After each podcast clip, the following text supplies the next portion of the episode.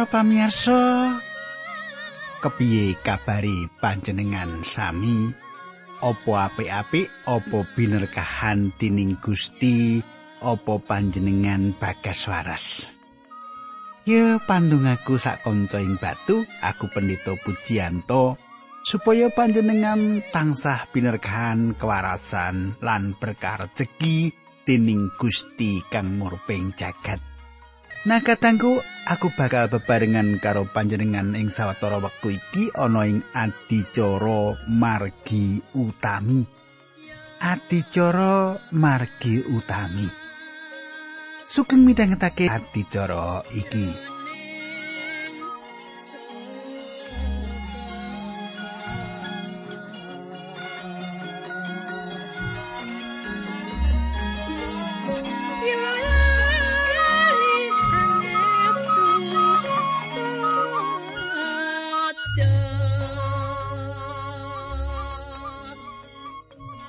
Para pamirsa, kepungkur aku wis ngaturake marang panjenengan kepiye Bapa Yakub nglumpukake anak-anake?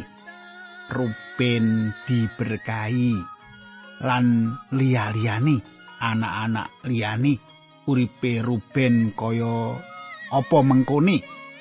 Lan uga Simeon lan Lewi uga diberkahi gamane kanggo ngrodha peksa ngono ya dhisik. Margo akeh mateni wong ing hemor mligine ing sikem wong sikem kabeh dipateni nalika jaman semono. Terus uga berkahi karo si Yehuda. Yehuda bakal nglairake sang juru wilujeng mangkono. Nah saiki bakal nerusake. Nanging sadurunge kuwi ayo padha ndedonga dhisik Kanjeng Rama ing swarga kawula ngaturaken gunging panuwun menawi wekdal menika kawula saged tetunggilan saged sesarengan sedherek kawula. Menawi ing wanci menika wonten sedherek kawula ingkang sakit kawula nyuwun supados paduka sarasaken. Menawi wonten ingkang ruwet rumah tangganipun kawula suwun supados paduka udari. Duh Gusti kawula nyuwun Gusti berkahi dicara menika linambaran asmanipun Gusti Yesus kawula ndedonga. Haleluya Amin.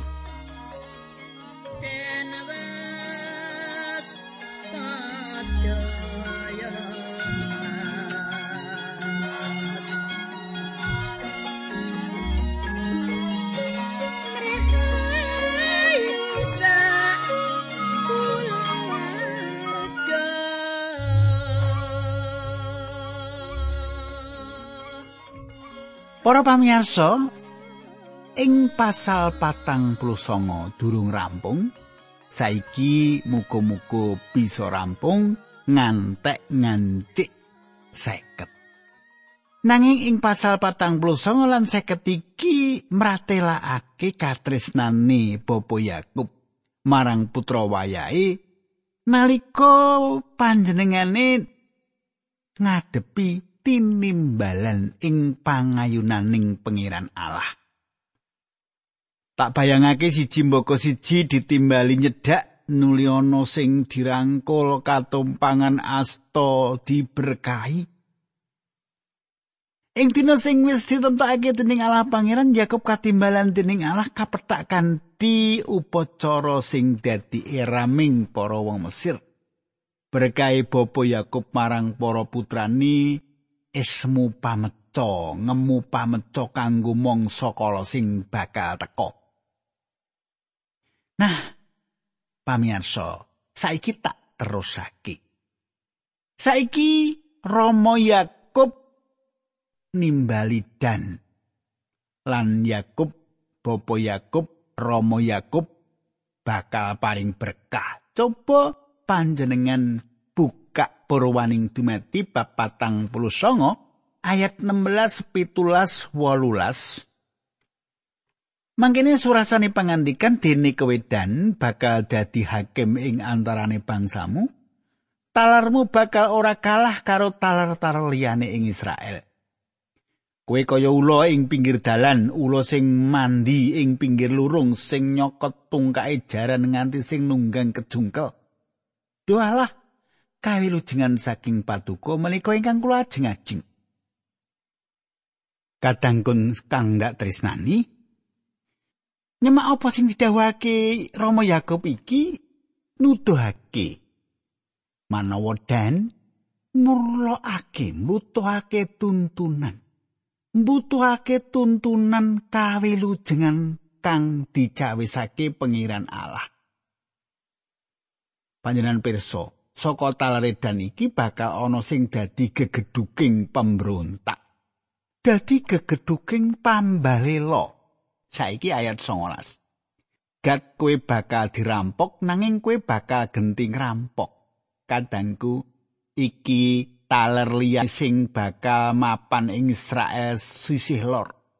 Nanging taler dan sing pancen paling lor dewi mula negara iki bisa diarani saka dan tekan Berseba. Kaya ing Indonesia sing asring disebut Republik Sabang Merauke. Nah ayat 20. Aser, palemahanmu bakal metokake pangan nganti luber, pangan sing pantes didahar prorodo. Ayat selikur, Naptali, kaya menjangan ing alas anak-anake apik-apik rupane. Katangku, perangan kitab suci iki yen diteliti pancen dudut ati banget.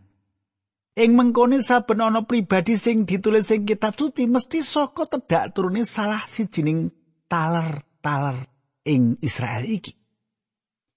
Purwaning dumadi ayat 23 Yusuf kaya anggur sing subur sing tuwuh ing sak pinggiring sumber pang-panging rembuyung merambat ngelangkai pager.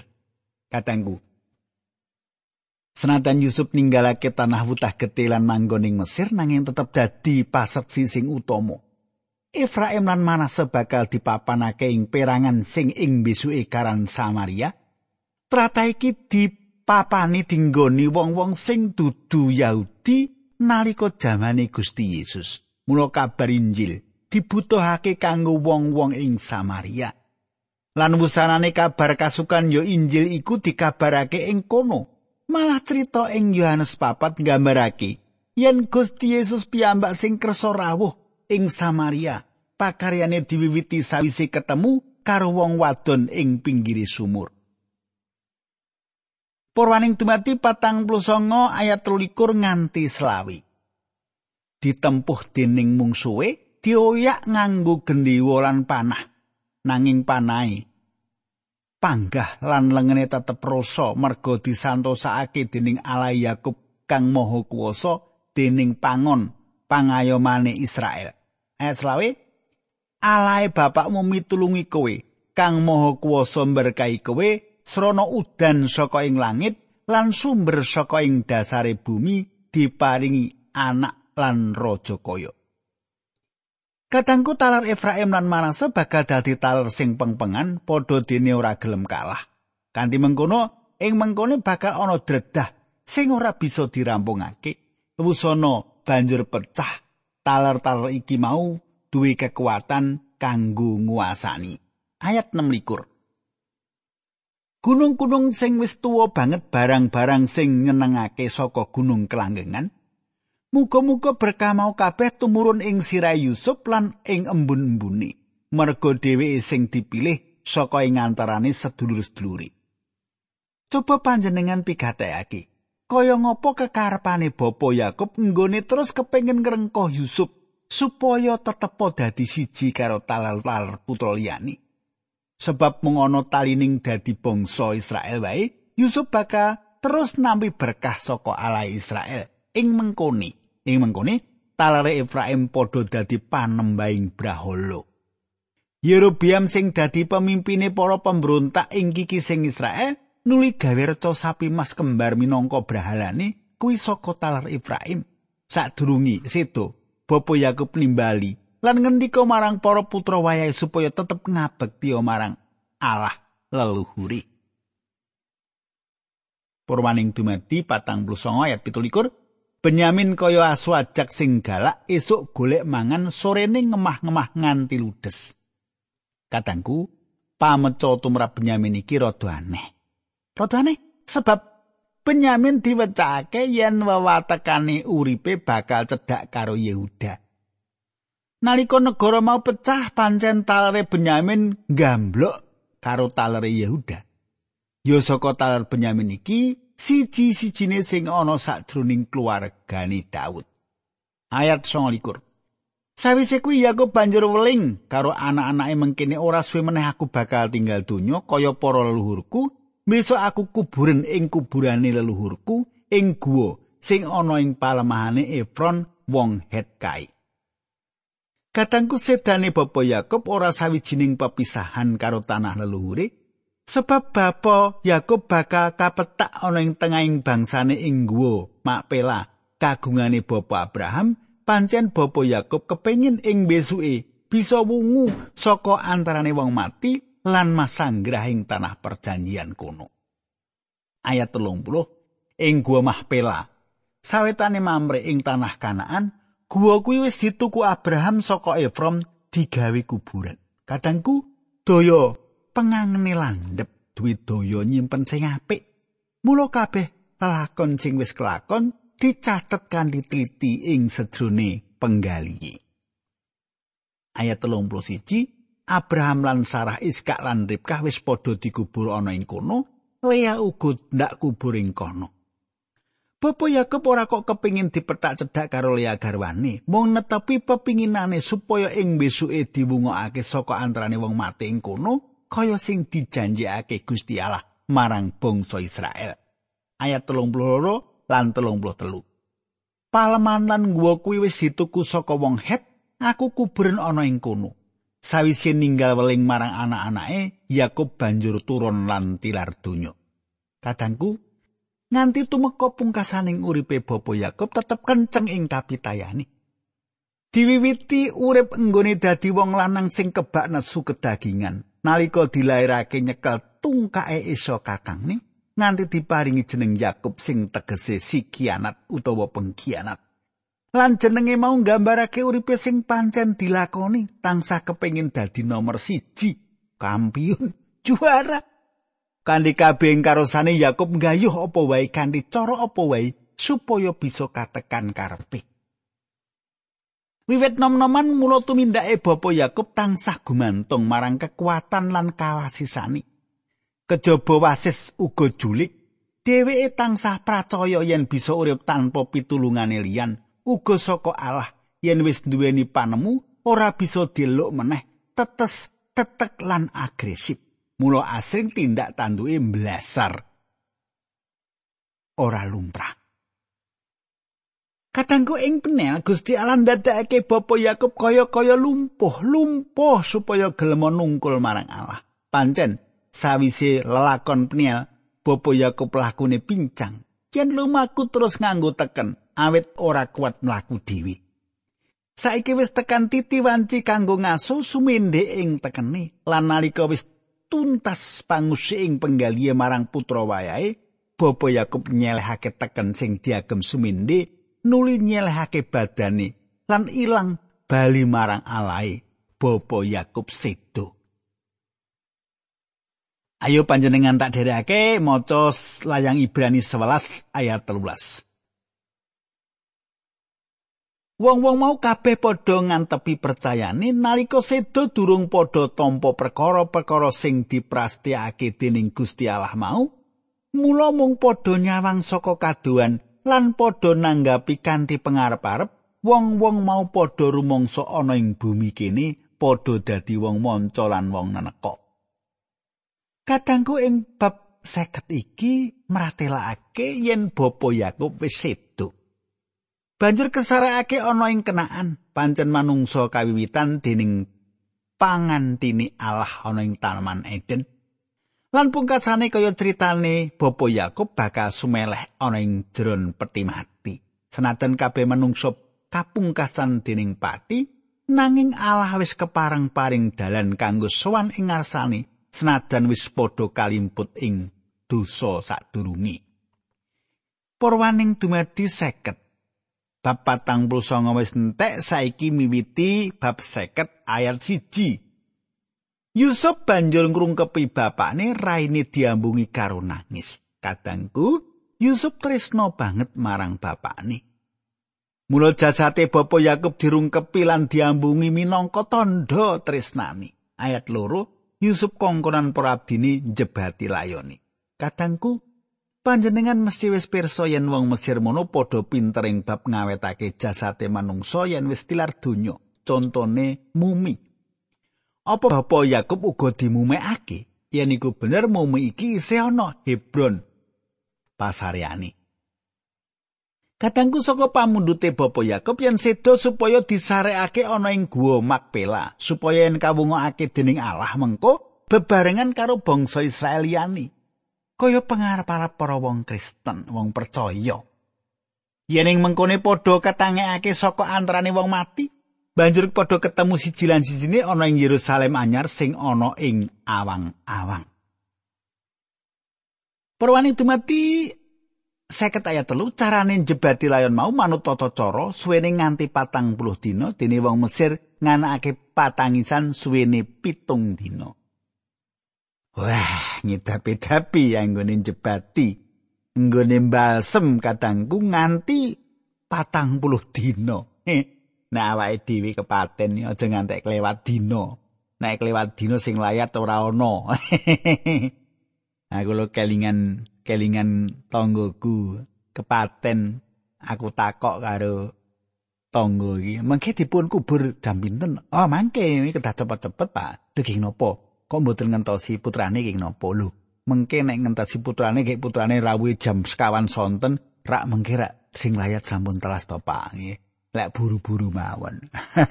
Nggih Cobi panjenengan bayangke, nggone jebati mbasem nganti patang puluh dino.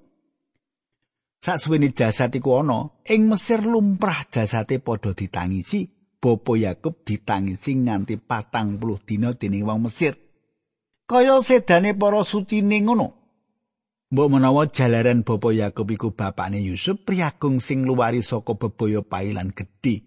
Yusuf iku kaya dene juru wilujeng nanging yo wis samesine yen jasate Bapa Yakub diupakara nganti patang puluh dina kanthi upacara gedhe jalaran Bapa Yakub pancen wong suci kagungane Allah Pangeran. Ya ta? Saiki maca ayat 4 5 6 7 8 songo, sepuluh, sebelas, rolas, telulas, ya, tak waca iki. Sawise wektune palayatan rampung, Yusuf banjur kongkonan pegawai keraton maturo marang sang prengon.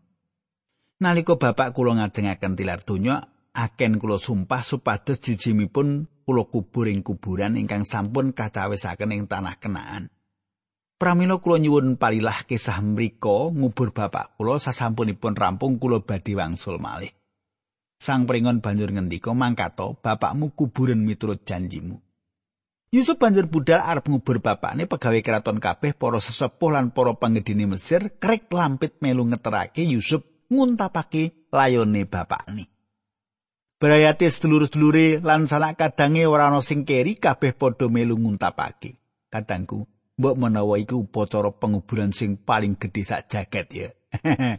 Coba para pring gedhe penggedhe padha teka pirang-pirang mung pengen tok sing ora. Tak teruske ayat 9. Prajurit sing numpak kereta perang lan sing numpak jaran uga padha melu nganti iring-iringane sing nguntapake layon dawa banget. Satekane ing desa Atat ing panggonane wong nutu gandum sawetane kali Yaden banjur dianake petangisan sing sora banget Ana ing kono Yusuf ngadani upacara penguburan pitung dino. Ayat 11, wong kenaan sing padha ndeleng upacara penguburan ing atet mau padha muni wah, apik temen petangisane wong Mesir kuwi. Mulane panggonan mau dijenengake Abel Misraim. Liripun Abel Misraim tanah ngare Mesir. Abel Misraim liripun petangisan Mesir. Ayat 13. Mengkono anak-anak Yakub nggone nglakoni apa sing diwelingake bapakne.